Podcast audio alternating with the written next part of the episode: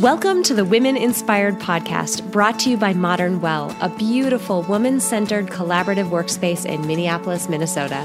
I'm your host, April Seifert, psychologist, entrepreneur, and self proclaimed life experience junkie.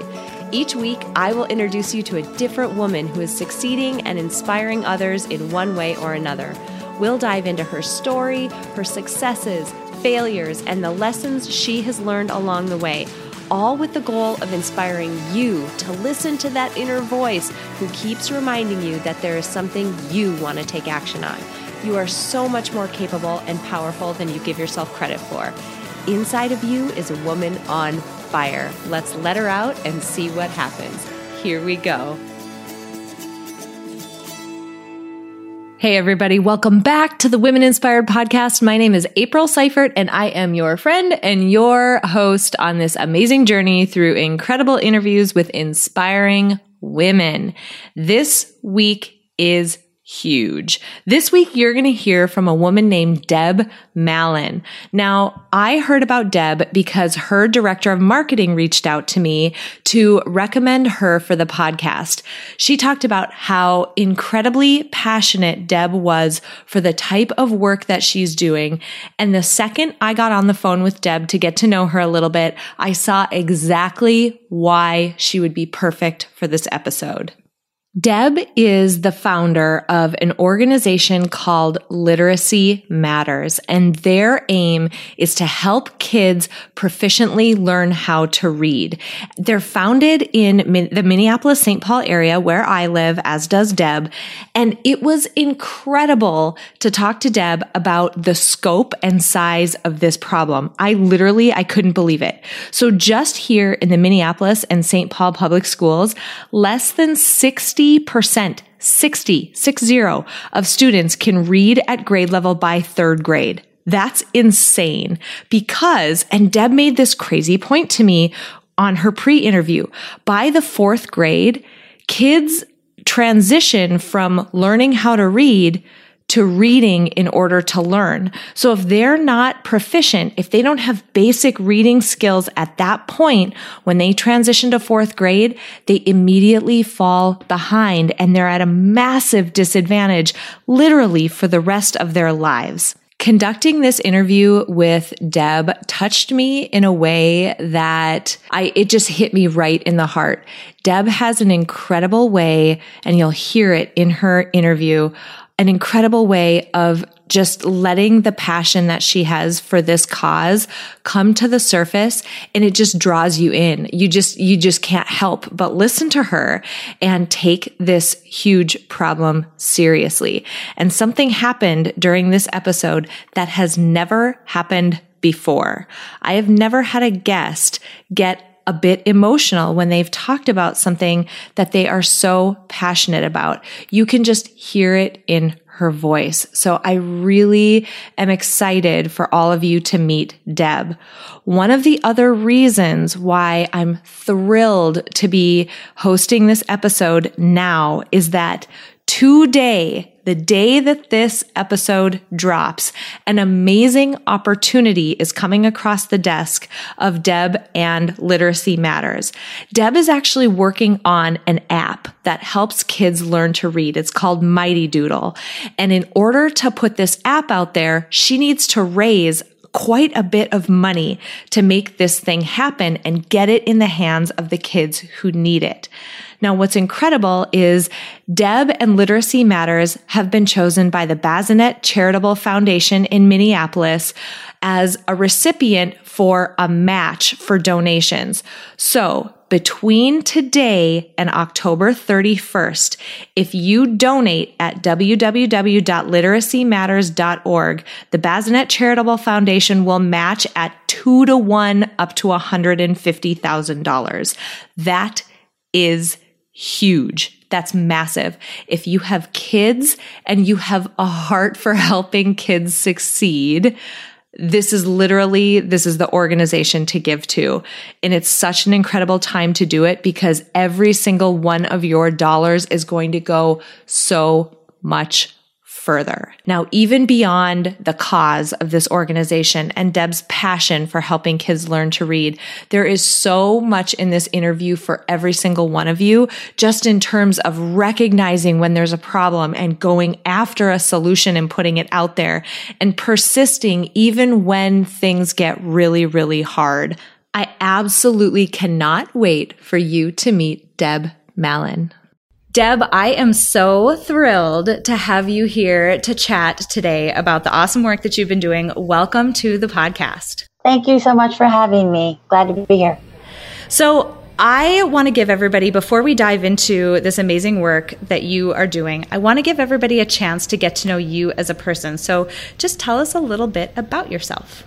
I was a teacher beginning in third grade and um, have always loved working with children. When I'm not dedicating my hours to other people's children, I spend time with my family, lots of time in the garden, love to play in the kitchen, and dare I say, I love to dance hip hop in my office. I love that. And for people who for people who are listening to this, she did confess that there was a little bit of dancing right before this uh, right before this interview. So that is awesome. And I love that we're starting off on that note. That's so cool. So I'm really excited to talk to you because of some of the work that you are doing. So tell us a little bit about the work that you're doing with Literacy Matters and how all of that got started uh, it actually, as I said, got started when I was a third grader. I vividly recall looking around my classroom and noticing what I later learned in college was nonverbal behavior. Kids sort of slumped down in their chairs. And I quickly realized there were children who could not intuitively learn. And back in the 70s, they didn't really diagnose things like ADHD, dyslexia, dysgraphia, nonverbal learning disabilities, and all the things we're well aware of now that we have more information on the brain and, and learning. So that seed was planted. I continued on through school as um, we do, sometimes bored, sometimes not, watching other students struggle. I went to um, high school, went on to college. In college, I studied um, communications and always really wanted to be a teacher, but for just a number of reasons, took a different uh, a trail. I met my husband when I was in college, and on our first date, he said, What do you want to be? What do you really want to do? And I said, What I really want to do is be a teacher more than anything. And he said, You should be a teacher. So, flash forward about three years, he proposes. Of course, I say yes to the AV guy from high school. And um, literally the next day, on my way to work for Colgate Palmolive, he motioned for me to lower the window and he leaned in and he said, Go quit your job.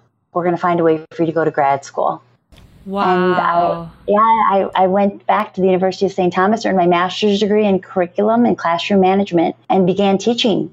Then we uh, welcomed our first son into the world, and I became um, a serial volunteer at the side of a serial entrepreneur, trying to balance starting our own company uh, together in our basement as well as taking care of our son. Uh, moved into motherhood of now three growing boys who I never wore anything but a flat ballet shoe to keep up with them.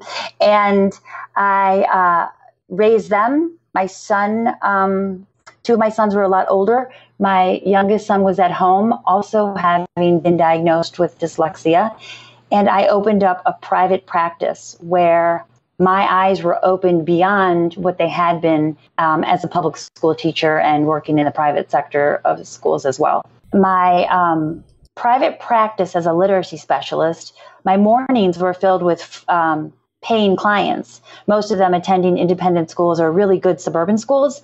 And my afternoons were my pro bono clients. And within about a year, my mornings were running into midday with students offsite, sometimes five days a week at their schools. And my evenings with pro bono students started running into about 8 p.m. So my days and nights were uh, taken up with children in need, and it was it was impossible to meet all the needs of my growing private practice. That that fateful night when one of my children said, you know, no more Costco chicken pot pie. This is crazy. You, you're never here. What? And then my other son chimed in and God, don't get any more rotisserie chicken from there either. And I got really upset and I said, You have had access to all of the advantages of good school based on your zip code. And there are not enough of me. So why don't you offer to empty the dishwasher? I don't remember what I said or whatever it was. Everybody, you know, clear the table, please help. And then I turned to my husband and I said, you know what? Uh, you'll have dinner when you can deliver me on a device. You used to work for Apple Computers and you are a serial entrepreneur. Help me help children, help this family. Deliver me on a device, help me start a company. And then he said, he said, yes. He said, Deb, yes, I will help you, but you will run it. But the technology's not quite there yet. And we need POC. In my head, all I could think was, I need to read business books. I need to understand what I'm doing. You know, there's some sort of osmosis by being at his side as he grew businesses beyond the one we started. But I needed to get booking, right? And so then I realized that he said, first we need POC. So I turned really with all the dignity I could muster after crying at the dinner table and I said, What's POC? Right? and he said, Okay, that's proof of concept, and that's artificial intelligence. And that is what we started um, three years ago. And I will tell you, I am serving less dinners than ever, but my family's all on board. So that's the good news. This is incredible. So, I, number one, every once in a while I interview somebody where the word, like the same word, echoes in my head and echoes in my head and it's gumption gumption gumption gumption. Like that's so awesome. You turn to your kids and you're like hey you empty the dishwasher and you over there with the technical skills. I need those. Like what what are you going to do to help? I love that. Um, i also love that your husband you know came up to you and said we need to find a way for you to quit your job so you can go back and actually pursue your dreams it's amazing how many people I connect with who close people in their life. It, sometimes it's not a you know a spouse or a significant other. Sometimes it's friends or you know family of origin or whatever it is. Some close person around them instead of pumping them up and making them motivated, they instill some doubt in that person's mind. So I think it's so cool that you had people around you who kind of rallied to help you make this dream a reality. That's so neat. I was pretty blessed by not just my husband's value of education, but his parents, who, when pregnant and starting a company and grad school and business school, all these things we were doing, offered to help and supported me. So I, Aww. I was blessed to join a family that really valued education. Yeah. Yeah. I, uh, I, that so resonates with me as we're speaking and maybe who knows? By the time this airs, I might have delivered my baby. But at the stage that I'm at right now, I'm about as pregnant as you can get. And we're the same way. Our family's the same way. I call us band aid rippers. I'm like, what else can we fit into this one time period? Let's do a lot of really big things at once. And so I yes. can I can totally understand that. See movies, get sleep. You know, um, I will tell you something I have said in um, meetings when we meet with donors because we're a nonprofit and we run because of the generation of people in the state of Minnesota and beyond. I say to them, you know, when my boys were babies, they had rubber bath books, right? They were literally immersed, right, in the water in books. And they had a great advantage, a million millions of words advantage, right? And so what happens to the children who don't have parents who speak English, who are multi generational illiterate families doing the best that they can with what they have. And I think it's incumbent, and this is what I've hopefully instilled in my children. It's incumbent upon those who know better to do better. And we know that early literacy, right, beyond the bathtub, giving them the foundational skills to read and write, because that's just a code, right? There's a methodology I reference um, the Orton Gillingham method from the 1930s. These are doc. This was a Dr. Orton and Miss Gillingham who created the methodology, which I studied and use in my curriculum. That's scientifically proven. That teaches us how to teach. There's an order. There's a repetitiveness. There's a methodology. And so my children had access to that beyond the bathtub. And my son, who struggled himself, had an OG tutor, which is basically what we're delivering to schools for the children most at risk for that horrible statistic of 85% of children in the juvenile court system being illiterate. We can change that. We can affect the domino effect of the shame associated with illiteracy, right?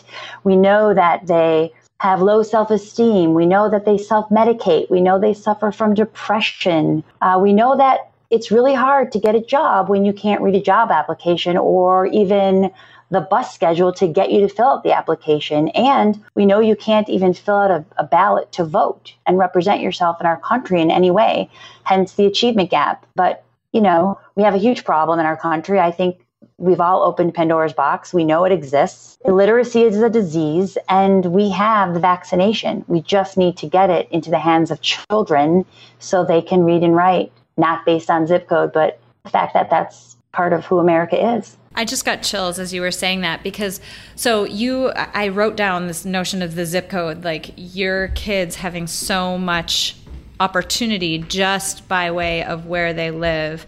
I would love for you to speak a little bit more about the size and scope of this problem because I 100% know that I have no idea how big of a problem this is. I because I mean it's the it's the definition of privilege, right? I live in a I live in a place and I was raised in a place where yeah, we had challenges growing up, but every single person around me could read and all of my friends could read. And it was it, was just sort of a given and it was it wasn't even something you think about. And that's not the case for everyone. And i would love for you to just kind of set the stage for us to understand what the scope of this problem looks like. Great question so education should not be a privilege right it's a it's a right um, and so when I say it's based on zip code, it's because I know that depending on the zip code is what sort of access you have to education. We also know that the only way to close the gap in Minnesota specifically, Minneapolis testing in third grade again, less than 60% are at grade level at the end of third grade, which is a really critical time because you go crazy. from learning. you That is crazy. Learning yeah, you go from learning to read to reading to learn. So if you haven't learned to read in third grade, the statistics are against you. Really, um, you're left behind. If you don't know how to read by the age of nine, you'll struggle to read for the rest of your life right? So we are, I have this image sometimes I just comes in my head at night and I imagine a kid, nine years old, like blowing out his birthday candles and his entire trajectory is set. And I think like that could like, put your own face of your own kid on that child. And that is not what you'd be wishing when they blow out the candles, right? You wish for happiness, you wish for health, you wish for them to thrive. You don't wish for them to board a bus to a juvenile correction facility. So that's that was how that was why Mighty Doodle was born. How do I reach all of these kids with this Orton Gillingham method, which I I so subscribe to and so love, and then take what I learned in my own office, make it relevant to these device-driven kids. Right? We know they're on devices, and make it relevant and use all kinds of music and dancing and mobility while still honoring their method. Right?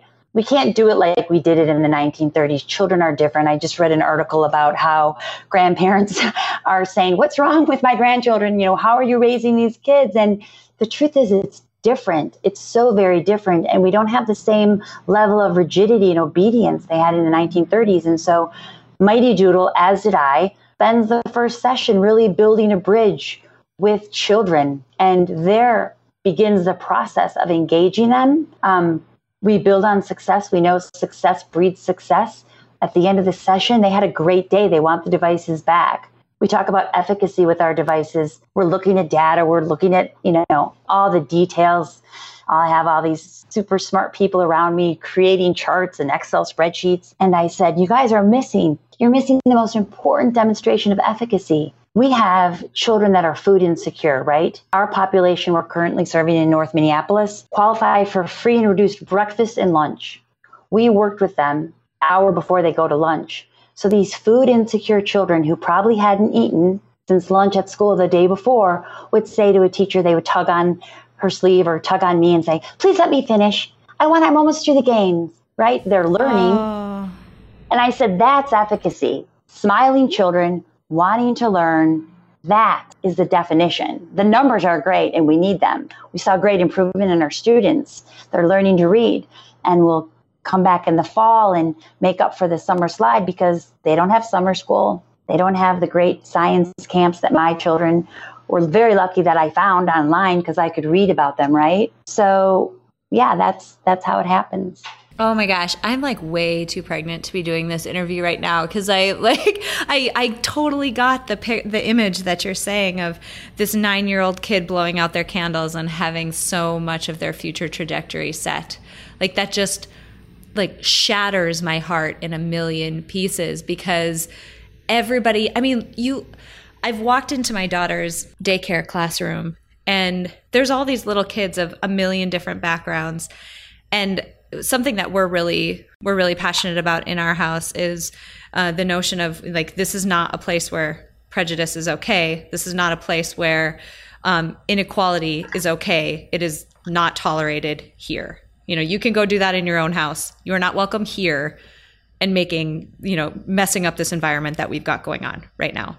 But I look at her, I look at the kids in her class and I think, oh my gosh, like at what point was my daughter supposed to learn that her friend, who she holds hands with at recess and runs around and goes on the slide with, she's actually supposed to hate her because they look different, you know? And you think about like a little kid, at what point do you look at that little kid and say, you know what? It's okay that you don't have the same opportunities as somebody else, like you can go ahead and have that bad trajectory. And then when you're an adult, we're going to blame you for it. And we're going to say that it was because of the, the choices that you made and because somehow it's, it's a fault of your own. Like, oh, it just breaks my heart. I agree. I'll tell you, it's taught at the dinner table, right? We, we address inequity at our dinner table early on. I don't think children see color in first grade, right? They see people and they see their friends and they don't understand what they don't understand what they what they don't know. They're taught not to care, right? The first virtue you teach your children is empathy. I was in third grade in the most segregated city, one of them uh, in Milwaukee, and um, I could feel something, but it, it wasn't in my heart, right?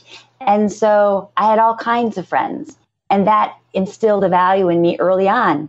And the conversation that we had at our dinner table stayed the course of being a good person and empathy first and don't judge other people. And that's sort of how I live my life. And hopefully that's instilled in my children. Mighty Doodle, right? That avatar they create on our game, they pick their own color. Most often it's pink and blue. That's the color of their friend. Um, I didn't want to shatter your heart actually. I feel bad. That's the last thing I want to do. I actually want to tell you there's so much hope. I'm so filled with hope every day. I think I've worked, I don't know, countless hours for the last three plus years. Sorry if my voice is tired, because um, I'm also the voice of the character, so it gets tired. I, I want to instill hope because we can fix this. I, I we have the way to do it. It's a matter of scaling it. So I want to get into I want to get into Mighty Doodle itself. Like, tell me a little bit about what is different with this because, you know, literacy, presumably it's not a new, or illiteracy is not a new thing, you know, and how, how has something not happened before and how is, talk to me a little bit about Mighty Doodle and how that is paving this new path. So I don't think it's happened before because frankly it's not, you know, easy peasy to get certified as a literacy specialist. So we onboard these wonderful teachers, right? And and tell them this is your class, love them, teach them, introduce them to a love of learning. And one in 4 leave within the first 3 years because they don't have access to the curriculum that they need and they don't have the time and the bandwidth to provide individualized instruction because they're feeding and they're caring for. They're the nurses, they're the psychologists. We do everything. We built this for students and teachers, right? There's a parent portal for them to watch children in real time progress through lessons that are sequential and repetitive and based on how we know that children can take in and connect the sounds and symbols. And in doing that, we build what is like the basement, if you will, some children aren't diagnosed with learning differences or, you know, they haven't learned to read for whatever reason, maybe sixth grade. And people say, well, how did it get this far? They're really smart kids. That's how it happened. They, they, they kind of fell through the cracks, if you will. And so what happened is the foundation, right? That K through three learning was not solid. And as you built the first floor and then you built the second floor, you get to the attic and everything starts to crumble because they don't know that CK comes at the end of a word after a short vowel, that the letter Y has three sounds. Yes, that is my candy.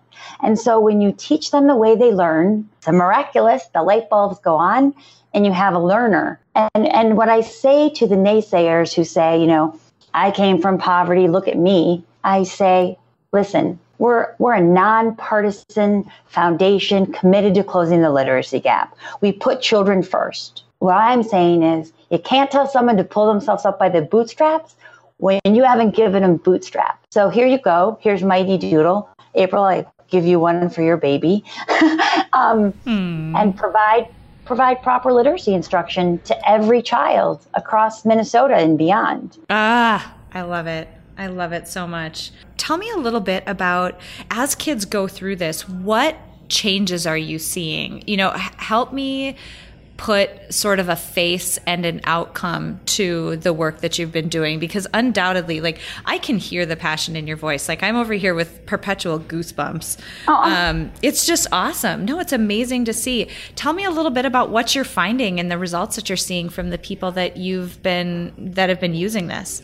Uh, so our data came back and we saw in a very short amount of time um, less than four months actually we saw between 20 and 40 percent increase in our students' ability to encode and decode, which is just wow. fancy speak for reading and writing, right? To, to break the code, you decode it, and then to write it, you encode it. You write it, you spell it. So we saw great progress, which I knew we would because I've seen so many children have access to this. And, you know, what else do you notice? You notice posture. Um, their posture, they sit up, they're engaged, they feel good about themselves because they're successful. And every day they're making progress. So that is how we not introduce just literacy, but how about a love of learning and hopefully lots of books, more books, different trajectories, better trajectories, right? right? Your baby will be born and dream of all the things he or she will become like my children did. And I want all children to be able to learn to read and write and become their best self. We have a student, I refer to her as president.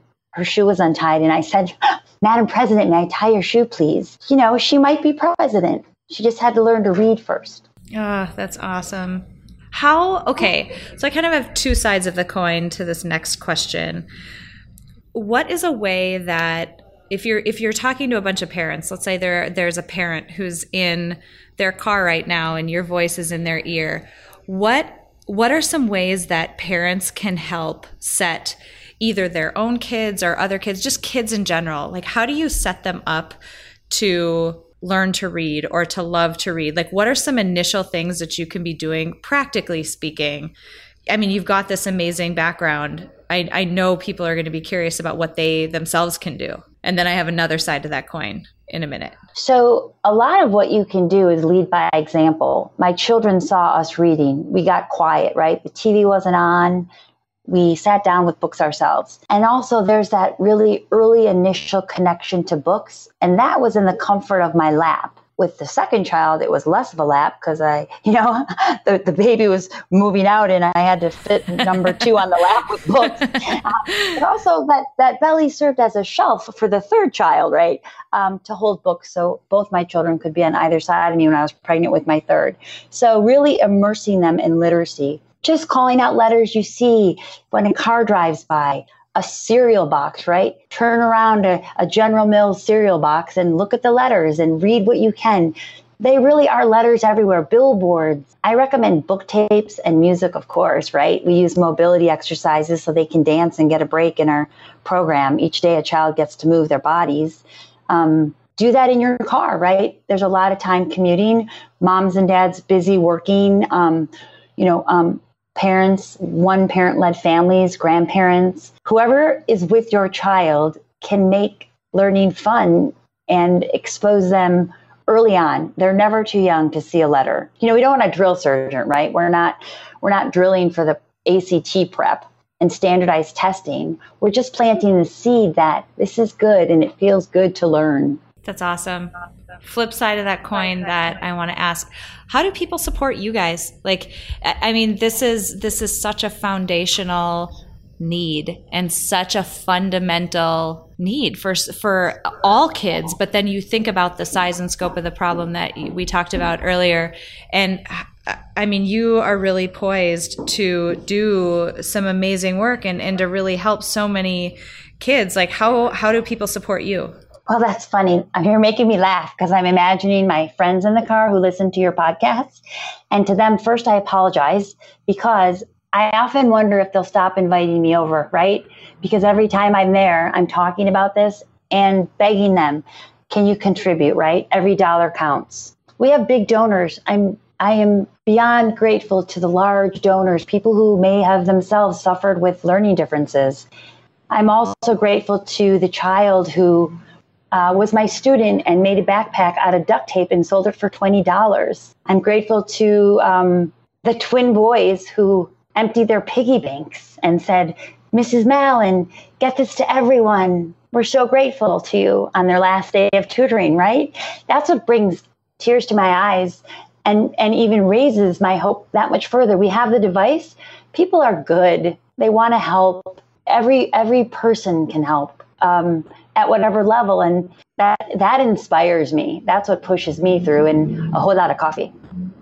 Totally, uh, totally get you on the coffee side. oh my gosh, oh my gosh. So tell me what um, looking to the future, what does your future vision for this organization look like? And that's so broad and probably difficult to answer. But when you sit and really let your mind wander and let yourself go there, where do you see this organization going?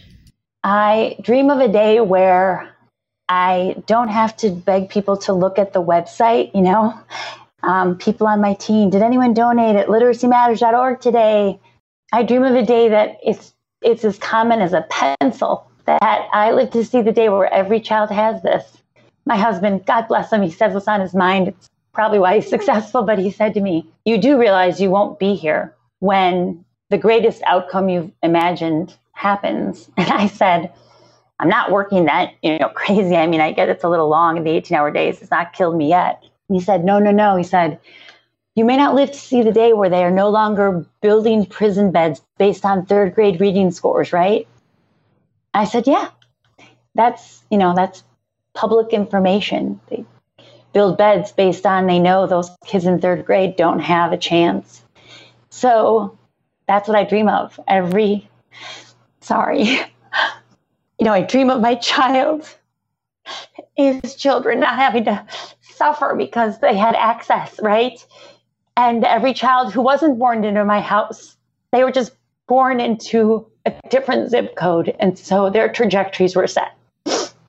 I'm sorry, I was reading data points last night so much too late. I'm sorry. That's nope, what I dream And I am like way too pregnant for this. I'm sorry. and, you know, I'm, I'm crying and I'm sorry.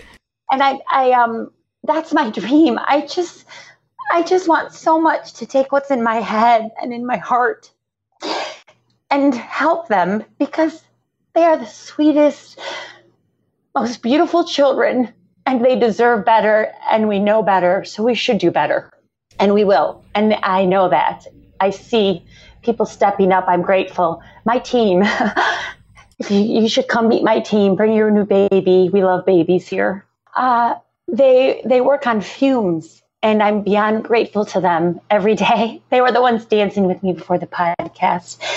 If not for them, I don't know where I'd be uh, by myself running it maybe 20 hours a day. But uh, we are coming, and that's what I tell the kids that we're coming. They just need to hold on a little bit longer. Oh my gosh. I like I said, I can feel every ounce of passion that you have for this and it's just amazing. It is so stinking amazing. You mentioned your URL before, but I want to make sure that we call it out again. Where can people find you? Where can they donate? That's a great question. I should know the answer to. Okay, so our website, by the way, that I built the first round while my family went hunting with a six pack of Diet Coke, um, is literacymatters.org. Literacymatters.org. And I believe you can donate there or, or reach out to me um, I'd love to, to talk to anyone about uh, what, they're what they're in need of and how I can help or how I can get them the right things until I can get them Mighty Doodle. Um, and that should be on the, the website as well. Oh my goodness. This, I, I'm just so thrilled about the work that you're doing and the passion that you're bringing to it. Undoubtedly, the impact you're making on so many kids' lives, not just obviously in elementary school, but the trajectory of their life from that point forward. Um, I I can't thank you enough. This is just this like has every emotion is is just coursing through me right now from just total heartbreak up to complete elation that somebody is working on a problem of this size who has your capability and your passion behind it. That is just amazing. It's amazing. Right back at you. Thank you. I'm sorry I made you cry. Never my intention. This is you're like Oprah.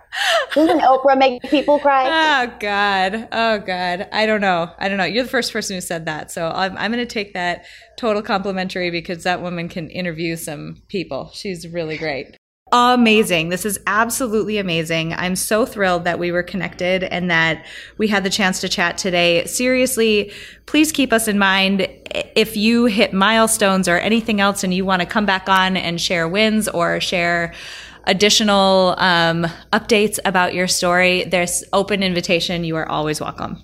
Thank you. I'll send you some baby books for the bathtub. I love it. I love okay. it. Okay. thanks, thanks so much.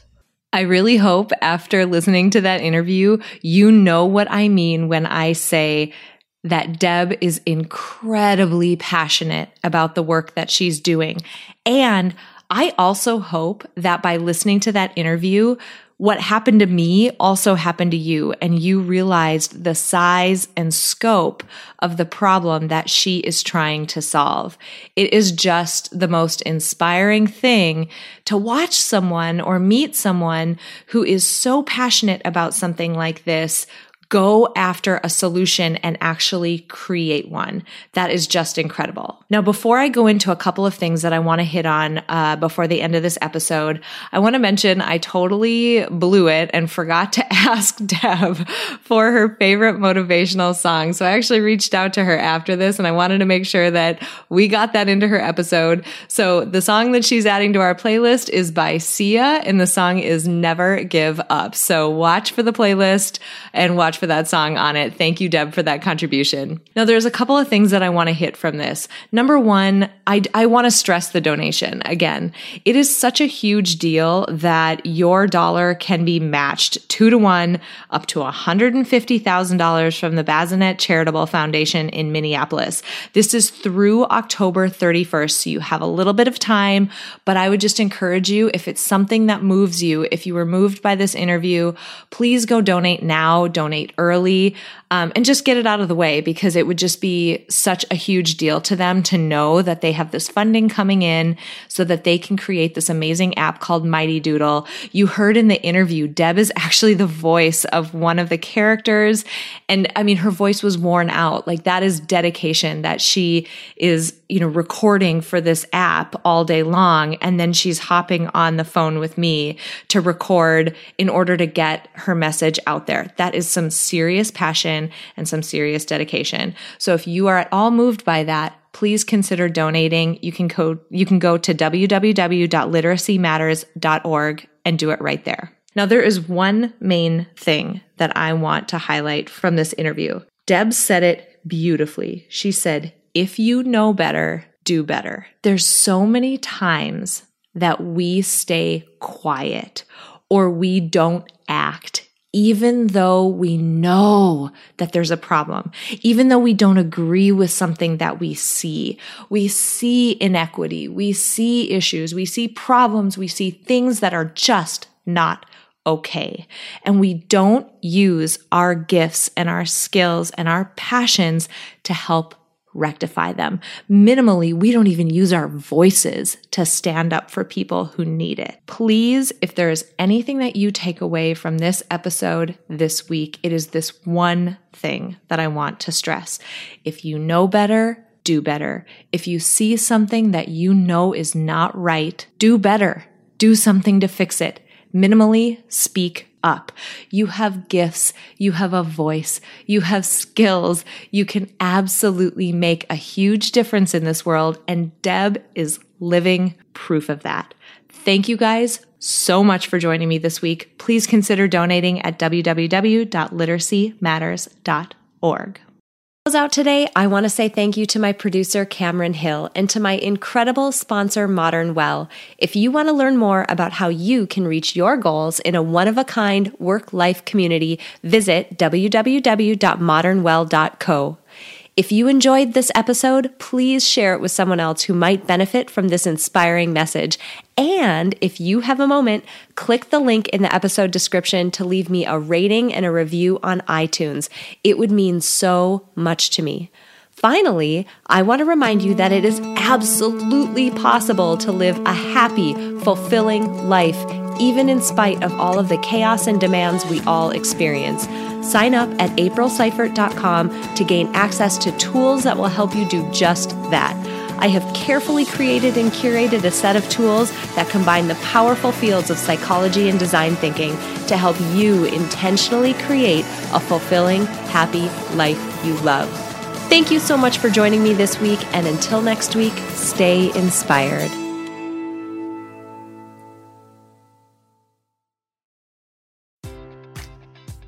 Enjoy all your favorite sports like never before at BetMGM. Sign up using code CHAMPION and receive up to $1,500 back in bonus bets if you don't win your first bet. When you register with BetMGM, you'll get instant access to a variety of parlay selection features, live betting options, and the best daily promotions in the business. And with BetMGM at your fingertips, every play and every game matters more than ever. Remember to use code CHAMPION and receive up to $1,500 back in bonus bets if you don't win your first bet. Place your money line, prop, or parlay bets with the king of sportsbooks today. BetMGM and GameSense remind you to play responsibly. See BetMGM.com for terms. 21 plus only. Virginia only. New customer offer. Subject to eligibility requirements. Rewards are non withdrawable bonus bets that expire in seven days. Gambling problem? Call 1 800 Gambler. Promotion. Promotional offer not available in Washington, D.C.